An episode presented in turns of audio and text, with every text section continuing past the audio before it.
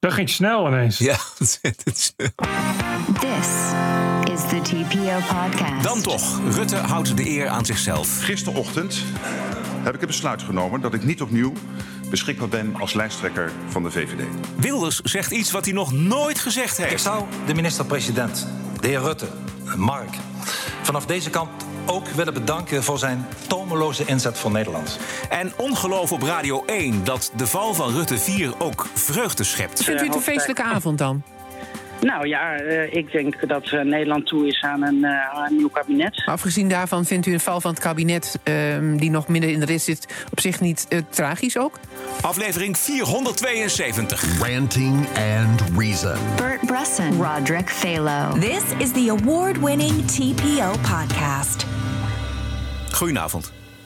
Ja, demissionaire groetjes iedereen. Maandagavond 10 juli. Wat een historische dag vandaag. Bert, hoe heb jij hem beleefd? Hoe voelt... Ja, ik woon niet in Nederland, dus voor mij zal het zorg zijn. Maar eh, hoe voelt dat om eh, ineens demissionair te zijn? Nou, dat demotioneren hebben, we- dat hebben we al eerder meegemaakt. Ook met Mark Ja. Rutte. Maar het Maar feit dat er na 13 jaar een einde komt aan zijn premierschap. en dat hij dat zelf heeft ingeluid. en wat daar precies allemaal achter zit, dat blijft fascineren. En ik moet heel eerlijk zeggen dat ik. hoe, hoe we ook hebben gehoopt dat het een keer zou stoppen, deze periode Ja. Rutte. voelt het toch een beetje leeg. Dat hij nu gewoon heeft gezegd: van ik ga en ik ben, er, ik ben weg. Want vervolgens duikt onmiddellijk de vraag op: ja, wie dan? Nou ja, daar zijn, eh, dat weten we nog niet, want de, de, de uitslag van de verkiezingen, de verkiezingen moeten nog komen, de uitslag moet nog komen. Ja. Maar dat we een rutteloos kabinet voortaan krijgen, dat is. ehm, dat, Nou ja, dit is een beetje. Het is, een- Ja, het is een beetje een Den L momentje, zal ik maar zeggen. Hè? ja. Of een... eh Ja, of een Lubbers moment eigenlijk. Ik, Ja, eigenlijk- Lubbers. Ja, Lubbers was ook zo lang premier Ja, van ook- Nederland. En nou, ook al had je nog een hekel aan hem of vond je nog zo het beleid slecht, hij was er altijd. En dat is met Rutte natuurlijk ook. Er zijn is natuurlijk een generatie jonge kiesgerechtigde mensen in Nederland die nooit anders hebben gekend dan premier Rutte. Ja, het is een beetje eigenlijk ook wat je met het CDA had. Het CDA werd altijd de grootste partij en toen ineens niet. Ja. Dan moet je toch gaan wennen. Ja. met je eens? Ja. Rutte, het is ja, na al die jaren op een gegeven moment begin je eraan te wennen. Ja, en je begint ook te wennen aan dat hij altijd ermee wegkomt. En dat hij altijd zijn mooie praatjes klaar heeft. En dat hij altijd eh, crisis toch ook weer nou ja, binnen de perken weet te houden. Of daarmee wegkomt. Of dingen oplost. De boel bij elkaar houden. Daar, daar was hij natuurlijk hartstikke goed in. Het is een historische dag. Hij is niet langer beschikbaar voor het premierschap. Gisterochtend heb ik het besluit genomen dat ik niet opnieuw beschikbaar ben als lijsttrekker van de VVD. Bij het aantreden na de verkiezingen van een nieuw kabinet zal ik de politiek verlaten. En ik heb gistermiddag mijn partijvoorzitter en fractievoorzitters daarvan op de hoogte gesteld. Dat is mijn persoonlijke afweging, die losstaat van de ontwikkelingen de afgelopen weken. Maar ik wilde u dat wel aan het begin van dit debat vertellen. Dit debat moet gaan over ons land. Ja, en toch denk ik, Bert, dat eh, die motie van wantrouwen die in de pijpleiding zat, hoe ja, achterbaks ook eh, van, van, van GroenLinks en, en eh, Partij van de Arbeid, dat die ook wel heeft, misschien heeft meegespeeld in zijn afweging. Want dat, die afweging heeft hij vandaag, vanmorgen, vanmorgen Ja, pas gemaakt. precies. Terwijl hij toch eh, recent nog heel stellig zei dat hij in elk geval nog wel een keer door wil. In elk geval als lijsttrekker van de VVD. Maar ja, ook de peiling van één vandaag. Eh, dat 72% Rutte niet terug wil zien. Ja. En ook ja, eigenlijk zelfs binnen de VVD ook nog wel een, een fors percentage. Wat denk ik wel een rol speelt, is dat hij eh, zelf vindt dat hij een goede opvolger heeft. Want de vorige keer zei hij dat het gewoon heel belangrijk was eh, dat hij geen, nog geen opvolger had. Of althans, dat zeiden de ana- analisten, dat er geen goede opvolger is. En kennelijk vindt hij dat dan zelf dan nu wel. De, vraag is wie dat, wie dat gaat worden. Nou ja, ze, ze zeggen dat ze daar komende week al mee komen. Ja, precies, ja. Of volgende week, maar dat is dus heel snel. Ja. Geldt overigens voor heel veel andere partijen. Kunnen we straks even over- uitgebreid over hebben. Al die partijen. Want iedereen zit zonder eh, leider. We gaan echt een hele nieuwe periode in de Nederlandse politiek Oh, tegemoet. zeg dat. Met nieuwe mensen. Uh, nog eventjes bij Rutte blijven en dat afscheid. Het kwam toch eigenlijk allemaal wel als een verrassing. En zijn besluit kwam pas vanmorgen dus bij het aanbreken van de dag. U zei vrijdag, ik wil door, als u het mij nu zou vragen. En twee dagen later toch weer niet. Ik heb ook gezegd vrijdag Precies. dat ik over ging nadenken. Ja. Hoe laat u de VVD nu achter? Ja, ik ben heel trots op de VVD. Uh, eh, het is een partij die altijd bereid is verantwoordelijkheid te nemen. Die altijd de telefoon opneemt als het moeilijk is. Uh, hebben we de afgelopen jaren ook gedaan. Altijd bereid geweest uh, leiding te geven aan kabinetten in moeilijke situaties. Dus ik ben heel trots op mijn partij. En ik hoop natuurlijk dat Nederland de VVD nu de kans geeft om, en een mandaat geeft om ook op het punt van migratie de belangrijke stappen te zetten die nodig zijn. Ja, u bent 13 jaar premier geweest, heel lang lijsttrekker voor de VVD. Nu zegt u dat u stopt. Het is een beetje de sportvraag, maar hoe voelt dat? Dat, wat ik zei, gemengde gevoelens en natuurlijk ook emotie, uh, maar het is ook goed. We hoeven Rutte nu niet de hemel in te prijzen. Er is genoeg kritiek op hem, hebben we altijd gehad. Maar zijn humeur was bijna altijd goed. In zo'n ministersploeg volgens mij. Dat er altijd iemand is met enorm veel energie en zin in de dag. Ja, het is een enorme optimist. Een enorm positief. Uh, maar, en wat dat betreft is, zal het, zal het, is het natuurlijk wel ook een enorme aderlating. Dat natuurlijk iemand is met zoveel ervaring uh, en zoveel passie. Dan moet je maar hopen dat dat terugkomt voor, uh, voor de anderen. Ja. Uh, ik zit wel te denken dat dit natuurlijk ook het beste is voor de VVD. Waarom? Nou ja, omdat heel veel mensen die hebben niks tegen dat VVD-beleid. En ik denk dat van hieruit, beetje afhankelijk natuurlijk van, van wie nu de lijsttrekker gaat worden, maar van hieruit veel meer mogelijkheden heeft. Omdat je dat, die bagage van eh, een hoop negatiefs van Rutte is dus weg. Maar je hebt toch het idee dat je helemaal opnieuw kan beginnen. Dus het zal voor, voor, voor een hoop kiezers toch, denk ik, net dat setje zijn om toch dan nu weer VVD te gaan stemmen. Ja, precies. En ik denk dat VVD sowieso de rechterkant op gaat. Ik, even, even toch nog om één naam te noemen. Ik denk niet dat Sofie Hermans het wordt. Dus ik, ik, nee, ik denk kan dat, ik niet voorstellen. Ik denk dat het eerder Dijkhoff of, of Dylan Jusselgus uh, gaat worden. Nou, dan zitten we toch een beetje aan de realistische kant, zullen we zeggen. Ja. Dus ik denk dat, dat ook een hoop VVD'ers dat heel graag gewild hebben. En dat juist Rutte, de Teflon-premier, dat ook die VVD-leden niet meer wisten wat ze aan hem hadden. Precies. Hij is natuurlijk wel op die manier beschadigd. Zeker ook nu, uh, de afgelopen dagen, met wat hij met het val van het kabinet heeft gedaan. Dus is dat, als je daar jezelf te, eruit haalt, voor de VVD in elk geval, uh, uh, het beste wat je kan hebben. Ja. Ik ben ook ontzettend benieuwd, we krijgen we nooit te horen, waarschijnlijk heel misschien in zijn memoires, wat nou uiteindelijk zijn besluit heeft geactiveerd. Op een gegeven moment dan voelt hij, voelde hij toch van ja, maar dit is niet meer uh, houdbaar. En uh, wie daarbij betrokken is geweest bij dat besluit, misschien heeft hij dat besluit eens een eentje genomen. Jort Kelder was in ieder geval niet bij. Jort Kelder, een goede vriend van Mark Rutte. Voor hem kwam het ook als een verrassing vanmorgen op Radio 1. Ik hoorde dus eerlijk gezegd ook live met uh, tijdens het debat. Maar ik had wel zo, ik heb al wat zitten bellen hier. Nou, dus ik had wel wat vermoedens. Als in, ja, het is natuurlijk ook wel een coole afweging. Ik bedoel, dat, hij zit nu natuurlijk zo in de problemen. Dat, het wordt, hij vecht alleen maar tegen zijn eigen schaduw en hoort, doorloopt zijn eigen echo. Ja. Dus ik snap zijn keuze wel, maar ik vind vooral, laten we dat vooral ook op deze dag even maar memoreren. De buitengewoon stijlvolle manier, klas waarmee hij dit toch weer doet. Um, niks persoonlijks, keurig, kort, zakelijk, bam. En dat, ja, dat, dat bedoel, ik vind dat wel adembenemend. Um, de, de, hele de politiek gaat ten onder in een kakofonie van onaardigheden. Vorige week nog een prominent Kamerlid die eruit stapt vanwege het gif in Den Haag. Mm.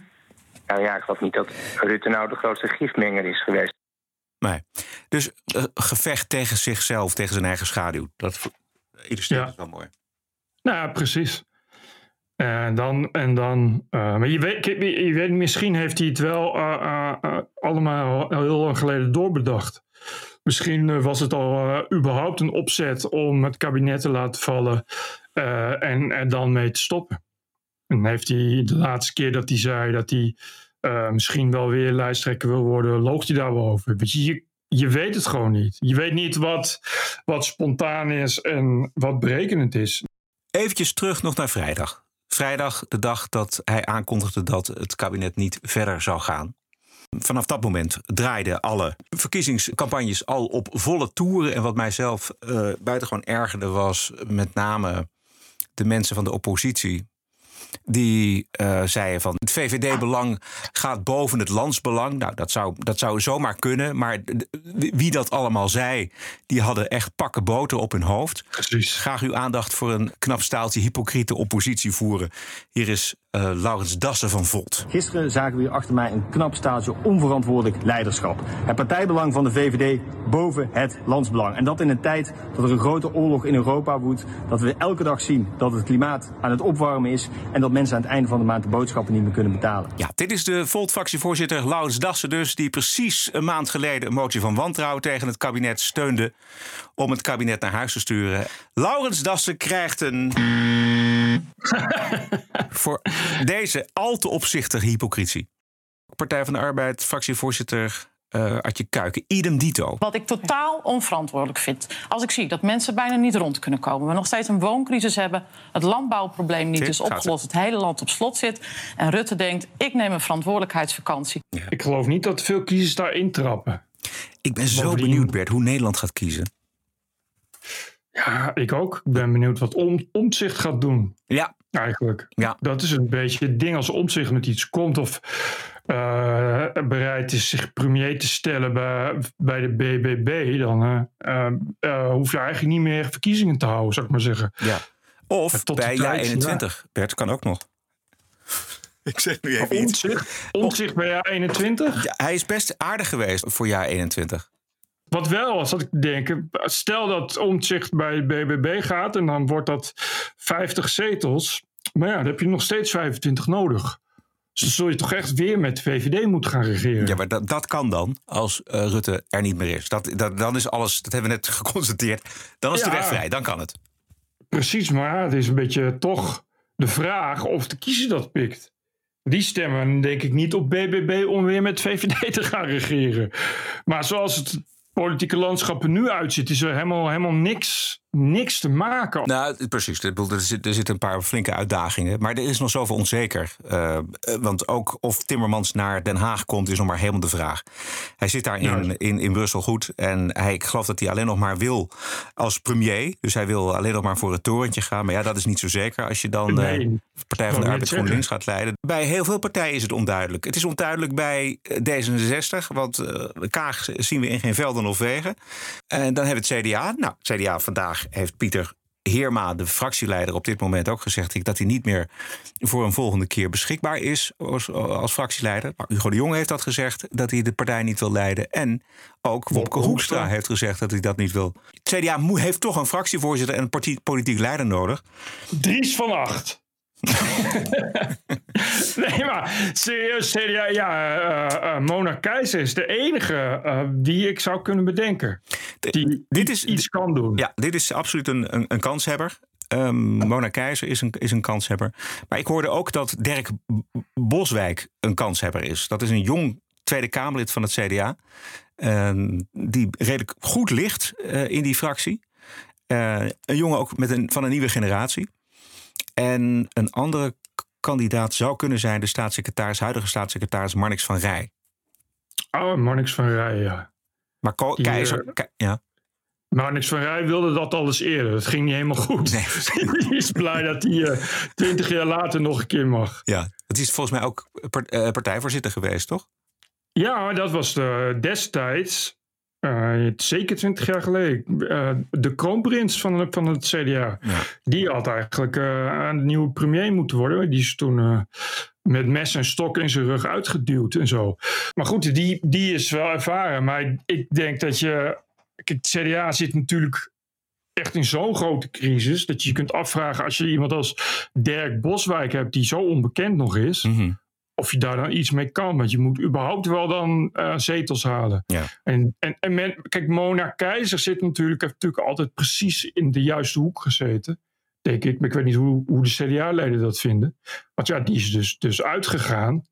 Een vrouw is natuurlijk wel echt uh, top of the bill. Ja, een vrouw is geweldig, inderdaad. Dat die heeft een, maar we hebben, we, hebben, we hebben dan drie vrouwen. Stel dat Mona Keizer een, uh, de, de, de, fractie gaat leiden, uh, CDA-leiderschap. Er zit nog iets moois aan Mona Keizer als, als leider van de CDA-fractie. Namelijk dat zij is de enige eigenlijk van het CDA... die zich echt op een ongelofelijke manier heeft gedistanceerd van het kabinet Rutte. Dat spreekt in haar voordeel volgens mij. onafhankelijk, weer een onafhankelijke koers van het CDA. Toch een, beetje, toch een beetje de vrouwelijke omzicht. Iemand die net als Caroline van der Plas de taal spreekt. Uit, uh, wat komt ze, waar komt ze vandaan? Volendam, weet je wel, zoiets. Ja. Dus, dus dat, ik, als ik CDA was, zou ik daar mijn geld op zetten. Ik zou eigenlijk ook helemaal geen andere CDA's kunnen doen. Diederik Boomsma. Ja, dat is een leuke. Ja, ja, ja, ja, fantastische. Fantastische lokale politicus hier in uh, Amsterdam. Vrouwen nemen het over. Ik, ik heb niet zoveel met gender, maar ik vind het wel mooi. Uh, want we hebben dus Mona Keizer bij het CDA. We hebben natuurlijk Caroline van der Plas bij BBB. Uh, ik ja. denk zelf nog steeds dat Dylan Jisselgus het wordt bij uh, VVD. Ja. Nou, dan heb je al drie premiers. Nou, CDA natuurlijk niet, maar we hebben in ieder geval twee premierskandidaten aan de rechterkant bij BBB en de VVD. Ja. Ah, maar jongen, dat gaat bij uh, GroenLinks, PvdA, dat gaat echt nu, vanaf vandaag, as we speak, een snoeiharde uh, achterbakse oorlog worden. Ja. Want dan, dan krijg je dus een lijst van twee partijen en er kan er maar één leider zijn.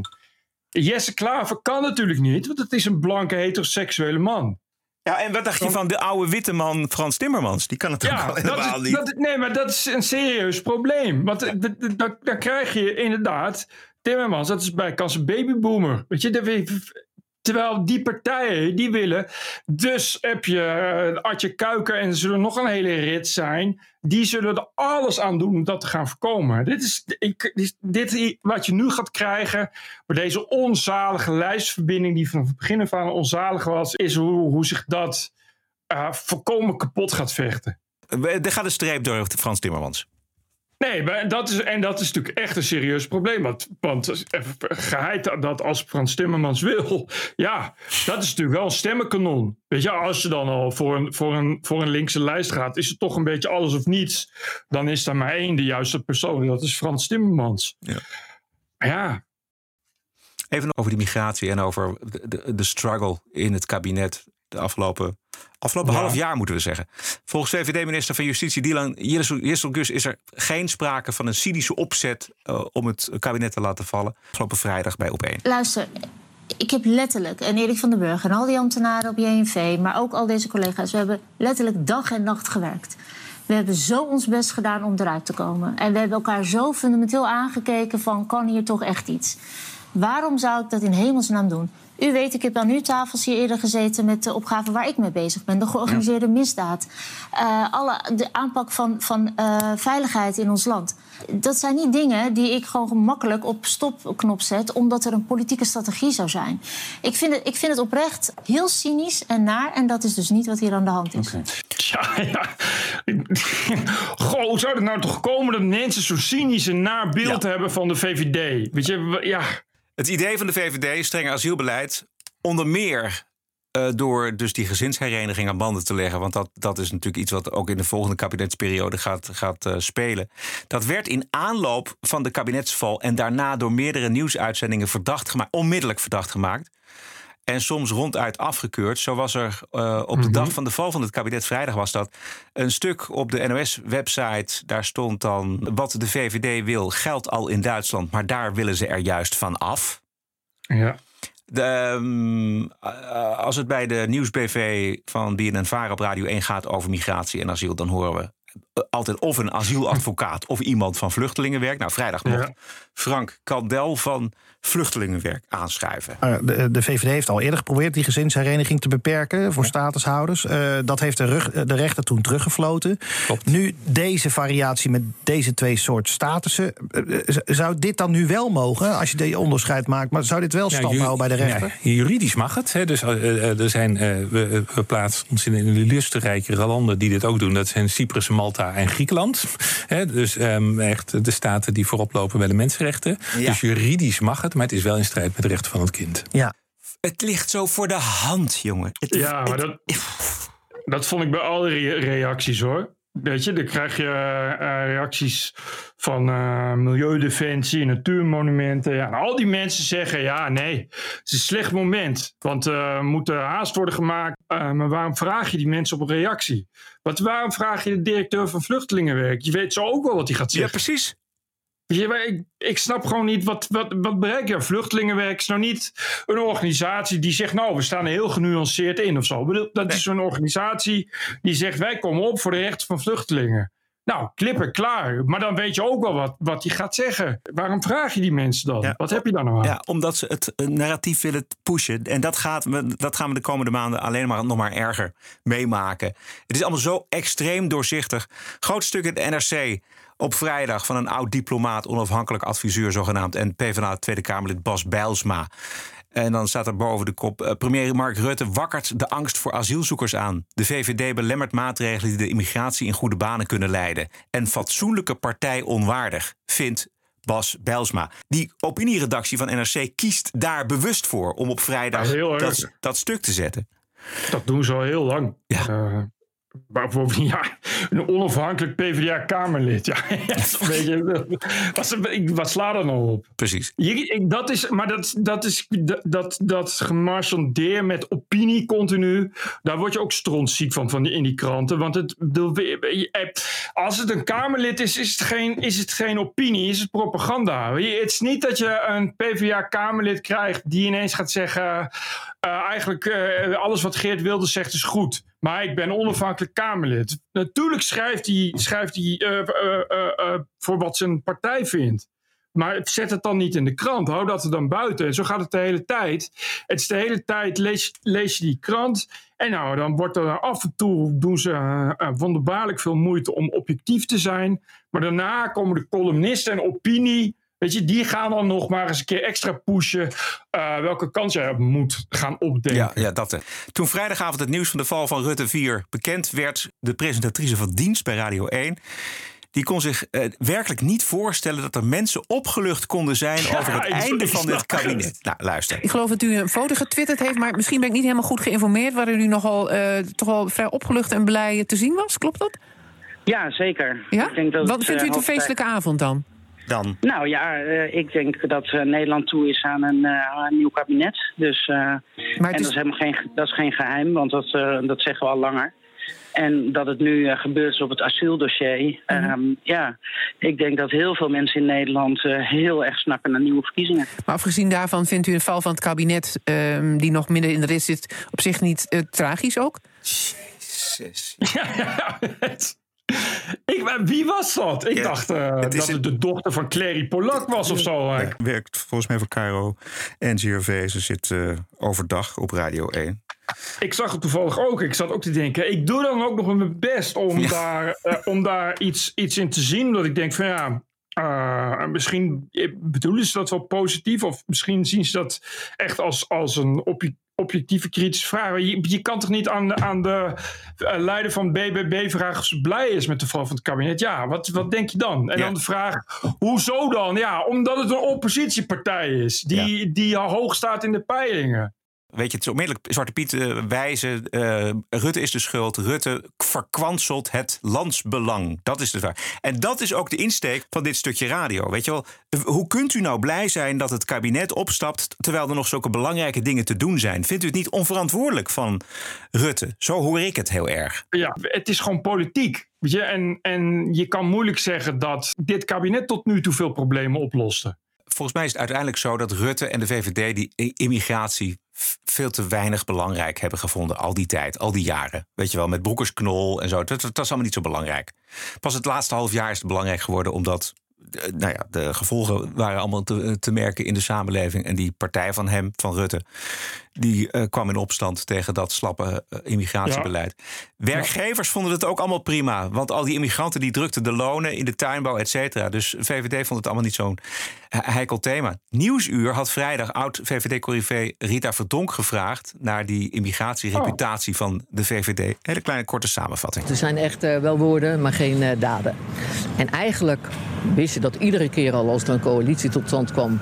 met de wat linksere partijen, laat ik het maar even zo noemen dan gaat het niet lukken. In 2012 wordt Fred Teven verantwoordelijk voor asiel. Teven moet in 2015 aftreden als gevolg van de bonnetjesaffaire. Klaas Dijkhoff volgt hem op. Na Dijkhoff zit Mark Harbers twee jaar op de post. Harbers moet opstappen omdat hij de Kamer verkeerd heeft geïnformeerd.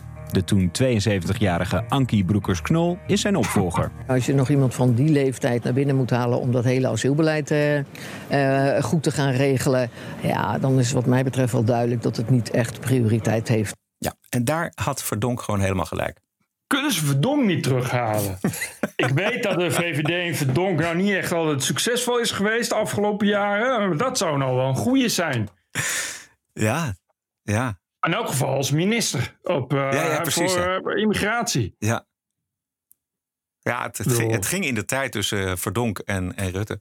Ja, als het anders was hadden we nu eh, eh, eh, Verdonk 5 Verdonk 5 afscheid genomen. Ja, Eh, voor, voor die eh, VVD en het, en het CDA, eh, wat ik al zei, is volgens mij is het pas het laatste half jaar menens geworden op asiel en migratie. En dat komt omdat toen de prognoses uitkwamen van het COA en van de IND, dat er mogelijk meer dan 70.000 asielzoekers naar Nederland kwamen. En dat was dus in januari. Vanaf toen is het heel snel gegaan. Vanaf hè? toen is het heel snel gegaan. En toen zijn ze dus onmiddellijk. Daarbij komt natuurlijk de druk uit de samenleving. En Ja. vanuit die ja, VVD-achterban. En toen bleek, tot op de dag van vandaag. En dat is volgens mij de bottom line. Dat D66 en de ChristenUnie die urgentie totaal niet voelden. En dat CD CDA en met name de VVD dat allemaal wel voelden. Ja. En dat is nooit meer veranderd sinds januari. En daarom is het allemaal zo stroef gegaan en zat er geen beweging in. En kun je zeggen, ja, Rutte heeft het op vrijdag opgeblazen. Maar dat was het eigenlijk al lang. Ja, dus hij had sowieso nooit in die coalitie moeten gaan. Maar D66 gaat daar heel veel bij verliezen. Want ik, ik weet niet, Kaag zal wel niet meer meedoen. Ja. En, en eh, dus die, D66 heeft ook niemand. Paternotte is veel, maar nou niet echt een charismatische partijleider waar je op gaat stemmen. Eh, maar die hebben eh, in dit hele dossier, het migratiedossier, dit uiteindelijk alles op niets gespeeld en verloren. Dat is natuurlijk het grote punt. Dat is waarom mensen ChristenUnie-lid worden, omdat ze vinden dat alle mensen oogappeltjes van Jezus zijn en dus, eh, dus moeten geen grenzen zijn aan, aan opvang. en je kinderen en ouders niet mogen scheiden, noem allemaal maar op. Maar dat is ideologie en die ideologie heeft D66 niet. Toch hebben ze daaraan vastgehouden. Ja, maar omdat ze een partij van fatsoen zijn. Dat willen ze zijn. Dat gaat ze kosten, denk ik. Ja, dat zou kunnen. Rob Jet is volgens, volgens mij de opvolger voor eh, Kaag. Ja, met wie heeft hij eigenlijk affiniteit? Ik ken niemand die, die denk ik, die zegt...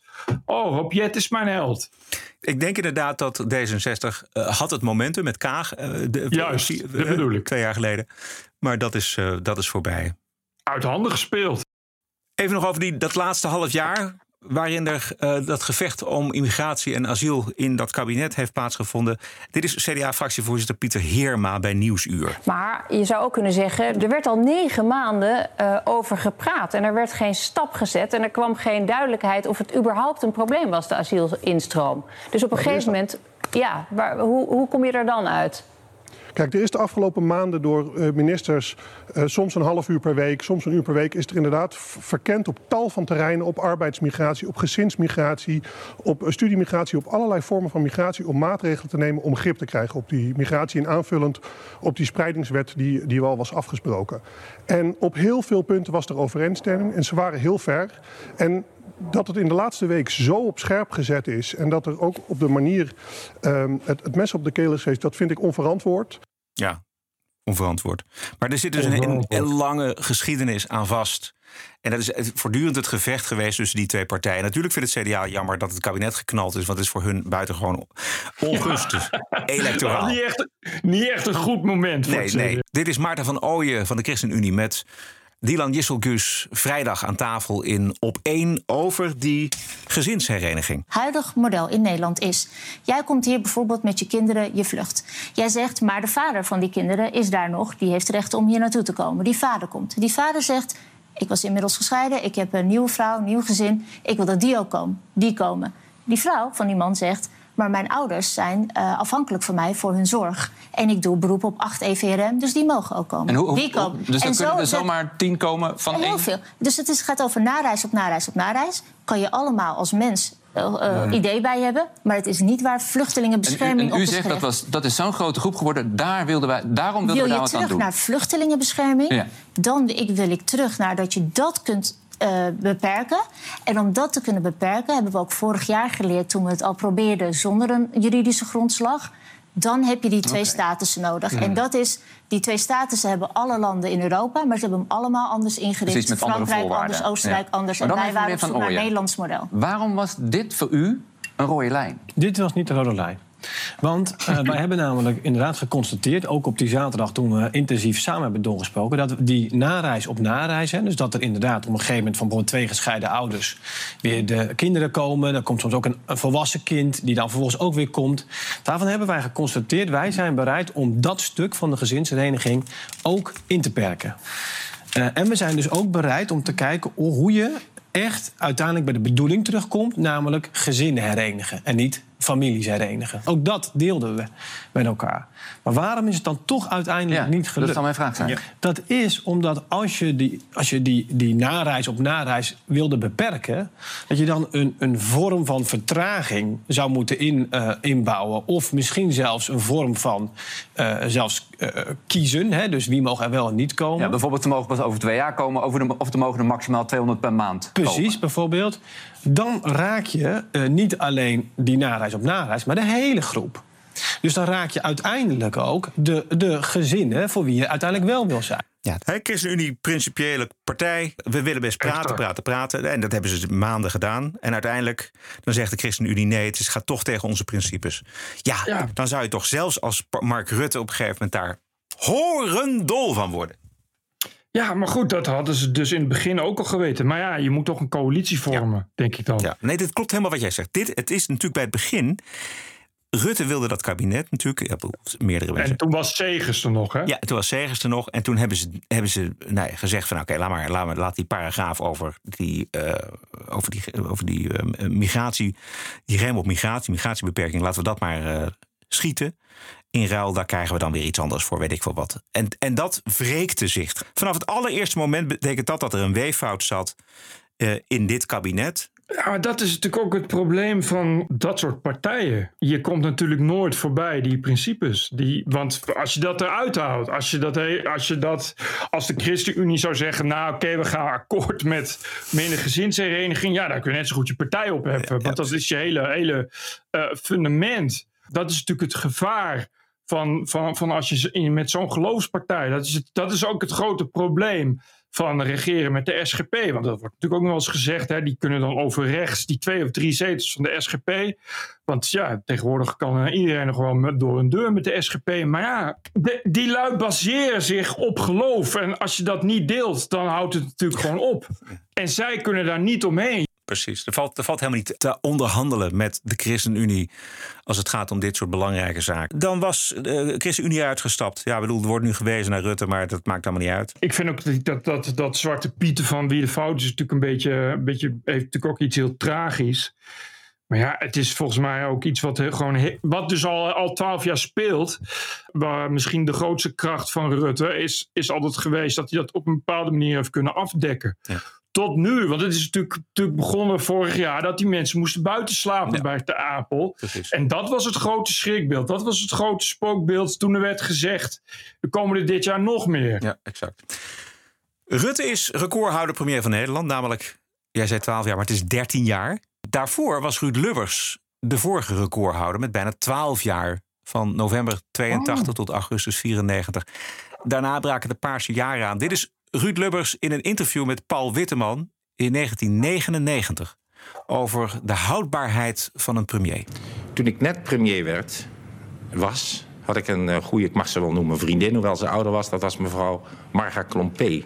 En die zei tegen mij iets verrassends toen ik uh, opzocht en ging daar wel eens een borreltje met haar drinken. Toen zei ze, Ruud, gefeliciteerd, maar vanaf vandaag begint het bederf. Ik zeg tegen Marga, wat zeg je nu? Ze zegt ze, ja, ik wil je nu vast waarschuwen. Zoals je premier bent, gaan de mensen hier naar de mond praten. En op de duur ga je denken dat je altijd gelijk hebt. Dat is niet goed voor een mens. Prent je dat in. Toen ik wegging uit de politiek was zij inmiddels uh, al overleden. Maar het heeft op mij vanaf het begin af aan een indruk gemaakt. En ik vond het inderdaad ook een haast noodzakelijke keus om nadat ik voor de derde keer alweer premier werd... te zeggen, het is nu de laatste keer geweest. Om dat bederf te voorkomen? Ja. Omdat en ik ook echt niet geslaagd? Al, ja, dat denk ik wel. In die zin dat ik heel opgelucht was... Uh, daarna dat ik uh, doorgezet had. Uh, dat je je niet laat aanpraten dat je onmisbaar bent. Je bent niet onmisbaar. Ik heb natuurlijk mijn zegeningen geteld. Dat via Wim Kok, die toen premier werd... Die, en dat is eigenlijk vrij opvallend in de politiek moeiteloos zijn. Natuurlijk, we gaan bepaalde dingen anders doen met paars. Maar er is heel veel wat ik gewoon voortzet. Ja, daar van komen we straks uitgebreid van, over van, spreken. van, wat, wat Kok voortzet. Ja, en dat schept tot dankbaarheid. En dan heb je geen moeite als je weg bent. Want dan zeg je, nou, dat gaat eigenlijk prima. Ja, er staat tegenover dat de partij in een puinhoop werd achtergelaten... om maar eens wat te noemen. Dus echt een uh, vrolijke overgang kan het ook niet genoemd worden. Maar ik wil even toch naar uw eigen persoon. Oh, jongen. Ik vond het optreden van Witteman. Het is zo fantastisch. Wat scherp dit, ja. ja. Maar zo werd er vroeger geïnterviewd, jongen. Hij is zo scherp. Hij is zo oh. vervelend. En, maar ook altijd glimlach. Wat Lubbers zegt, hè, dus, uh, voor hem was het eigenlijk na 2,5 keer was hij, was hij eigenlijk al klaar. Uh, hij is toen toch nog aangebleven om het kabinet goed over te dragen. Maar goed, het was eigenlijk gewoon ruim over tijd. Nou, dat was dus 12 jaar Lubbers. Uh, Rutte zit er 13 jaar. Uh, afhankelijk van of er een kabinet. hoe, hoe, snel er een nieuw kabinet komt. Misschien zit hij er wel 14 jaar. Dus dat is echt, echt over tijd. um, nog even over die opvolging. Uh, ja. Wat zei ik nou? Edith Schipper. Oh ja, dat was de, de, drie mensen volgens mij bij de VVD. Dus of Edith Schipper, of Dylan Jisselkus, of Klaas Dijkhoff. En dit is waarom Sophie Hermans het vooral niet moet doen. In gesprek met Wieberen van Haga. Voorzitter, uh, mevrouw Hermans ont ontkende net glashard dat de asielstop en het opzeggen van het vluchtelingenverdrag in het verkiezingsprogramma stonden. Ik heb hier pagina 57 van het verkiezingsprogramma van de VVD 2021-2025. Nou ja, 2025 wordt niet gehaald. Maar goed, daar staat in, en ik lees even voor. Opschorting van het recht op het aanvragen van asiel in Nederland en sluiting van de Nederlandse grenzen voor migranten. Dat is een asielstop. Daarvoor kan het VN-vluchtelingenverdrag worden opgezet, gezegd. Staat even verder. Dat is het opzeggen van het vluchtelingenverdrag. Wat, wat, hoe, hoe, kan mevrouw Hermans nu in godsnaam ontkennen dat het erin staat? Ik vind het een prachtig verkiezingsprogramma. Hoor. Ik neem het over in het verkiezingsprogramma van BVNL. Maar om hier glashard te staan te beweren dat ik sta te liegen omdat het niet in het verkiezingsprogramma staat. Het staat er gewoon in, letterlijk. Meneer Van Haga, ik heb u net ook gezegd, in ons verkiezingsprogramma staat, ik dacht een opsomming van vijf maatregelen die je naarmate een crisis vordert, uh, dat je steeds in de escalatie een stapje verder kan gaan. U presenteert het hier alsof we gewoon even morgen zouden zeggen, we stappen uit het vluchtelingenverdrag. Kom op, hou op, dat gaat toch niet gebeuren? Nee, voorzitter, ja. Het is wel leuk dat er weer een hele emotionele tirade van wordt gemaakt. Maar dit staat in het verkiezingsprogramma. Dit is wat de kiezers hebben gelezen. Dit is waar ze op hebben gestemd. En er is niets van gebeurd. Voorzitter, er komen verkiezingen aan. Dat betekent dat partijen verkiezingsprogramma's moeten, programma's moeten schrijven. Zo ook de VVD. Dus dat zullen wij doen. U zult zien wat wij daarin opschrijven. En als u zich geïnspireerd voelt, uh, copy-paste. Het is toch slecht? Ja, ja, ze zat vrijdag ook bij, vrijdag geloof ik ook bij op één, dat ze meteen ook al zei dat ze niet met uh, PVV wil gaan regeren, met de PVV wil samenwerken. Wat toch op zijn minst niet zo'n hele strategische uh, uitspraak is, nee, lijkt mij. Nee, nee. Nee, maar ze is en daar werd ze ook inderdaad emotioneel. Ze is, ja. ze is, je ziet haar heel snel boos worden. Ook. Ja. Ja. ja. Ik zit even te denken, er was iemand die iets heel grappigs op Twitter over haar zei. Het is iemand die. Alsof het een kind is die uh, haar ouders tegen haar zeggen: Volgens mij ben je aan het roken. En dat gaat ze dan heel hard ontkennen. Zoiets. Ja, precies. Ja, ja, ja, ja precies. Nee, ze maakt geen enkele kans. Vandaag net, komt net binnen een, vandaag een, een peiling onder 18.000 mensen wie Rutte als premier moet opvolgen. Pieter Omtzigt 56 procent, Klaas Dijkhoff 46 procent en Dylan Jisselgus 33 procent. Ja. Pieter nee. Omtzigt is ook een goede. Nee, maar het is nog steeds zo dat Rutte dus Sophie Hermans wel heel goed vindt. Zou je denken? Ja, Rutte is, is echt een groot fan van Sophie Hermans. Hoe weet je dat? Dus, nou, dat, dat, uh, dat zeggen uh, de commentatoren. Ah. Mensen van, van dichtbij. En ja. nou ja, ze is dus ook fractieleider. Dus ja, nee, het kan, het kan zeker. Ja. Maar goed, ik, het zou mooi zijn als Rutte daar niet meer over gaat. Nee, dat, dat wou ik ook zeggen. De, die zal er ook niet meer heel erg over gaan. Het is natuurlijk ook iets wat leden beslissen. Dus uh, uh, ik kan, me ook niet, ik kan me ook niet voorstellen. Misschien uh, is Annemarie Jorritsma terughalen. Goed idee. En een vrouw. En het juiste Rita Verdonk elan. Verschrikkelijk. Nee. Nee, volgens mij niet.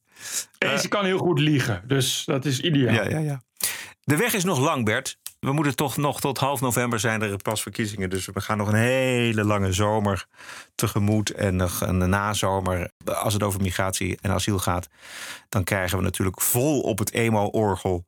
Eh, de linkse partijen, inclusief D66 en de media's, de Volkskrant, NRC. Zoals alles polariseert in de Nederlandse samenleving, zal dit onderwerp en uh, de nieuwe verkiezingen ook gigantisch polariseren. Ja, ja, uh, asiel wordt het verkiezingsthema. Ja. Het zou mooi zijn als we dat probleem nou een keer oplossen. Hè, want heel Europa doet dat. Denemarken, Zweden, uh, Italië, Frankrijk is bezig, uh, Groot-Brittannië, Oostenrijk. Doen allemaal iets. Nu Nederland aan de slag. Iets wat, wat, wat al twaalf jaar ligt op het bord van uh, de Nederlandse regering. Ga aan de slag en zorg dat, er, nou ja, dat Nederland minder aantrekkelijk wordt. We hebben VVD, we hebben BBB, we hebben Ja 21. Nou, als ik, als ik Wilders vandaag hoor, het zou, het zou ongelooflijk zijn, maar uh, als die mee. Die wil wel. Die wil wel, ja. Ja, kijk, weet je, in Zweden zit ook, zit ook een PVV-achtige partij in het kabinet. Ja, precies. Maar goed, in, in Nederland heb je natuurlijk het, het probleem dat, dat PVV al eerder in een kabinet zat. En dat was niet echt succesvol. Nee. Nou ja, dus dan, moeten we, dan, moeten we ook, dan moeten we ook eens een keer iemand. We geven iedereen een tweede kans. Waarom zou dit, dit geen tweede kans nee, eens, eens. Of, maar of de kiezer dat ook vindt, dat is natuurlijk een beetje, een beetje moeilijker. Precies. Nou ja, we, we, we weten nog niks, want uh, we moeten eerst uh, naar de stembus. Ja, half november. Half november. Zullen we eindigen met uh, de liefste woorden ooit van Geert Wilders aan Mark Rutte? Precies, doe maar. Komt de minister-president verlaat de politiek. En ik zou een paar woorden tot hem willen richten als u dat goed vindt. We kennen elkaar al ontzettend lang. Ooit bij de VVD waren we collega's en ik was zelfs zijn mentor. En we hebben. Hij wordt er niet altijd graag aan herinnerd, maar oké. en wij hebben, uh, meneer de minister-president, wij hebben um, ook politiek in de eerste twee jaar van het kabinet Rutte 1, uh, eh, vind ik althans, um, uitstekend met elkaar uh, samengewerkt. Daarna hebben we, dat is ook de waarheid, continu elkaar het vuur aan de schenen gelegd. Met veel moties van wantrouwen aan mijn kant, uitsluiting aan uw kant. Maar ik zou de minister-president, de heer Rutte, Mark, vanaf deze kant ook willen bedanken voor zijn tomeloze inzet voor Nederland. Uw keuzes waren niet de onze. Maar u bracht ze met overtuiging en dat verdient ontzettend veel respect. Net als uw keuze om te stoppen respect verdient. En ik wens u dan ook oprecht het allerbeste toe voor de toekomst. Ja, mooie woorden. Vond ik ook zie je toch dat het uh, professionele politici zijn. Hè? Ja, precies. Maar wat Wilders al zegt, ze kennen elkaar natuurlijk al wel echt heel lang. Ja. Uh, Wilders uh, zat natuurlijk gewoon ooit in de VVD. Ja. Net als Rutte, dus wat dat betreft. Precies.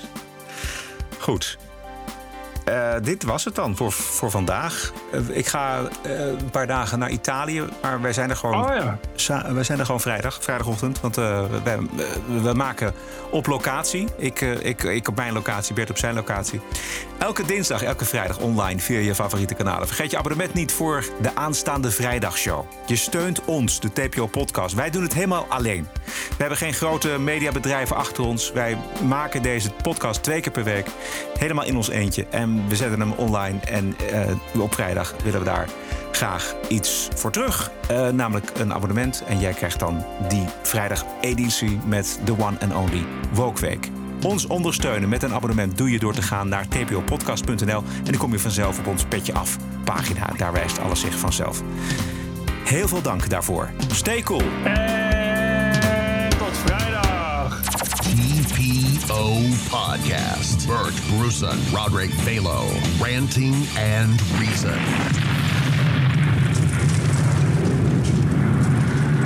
Ja, maar dus op Maar luister nou, ik accepteer het gewoon niet. Dus je kan wel blijven lullen. Dat echt wel heel even moet nadenken. Ah joh, wel nee. Bied je ontslag maar eens anders aan. Podcasting is the TPO podcast in the Netherlands. Bert and Roderick. What a show. I'm telling you. Keep the show running. Go to tpo.nl slash podcast. Thank you.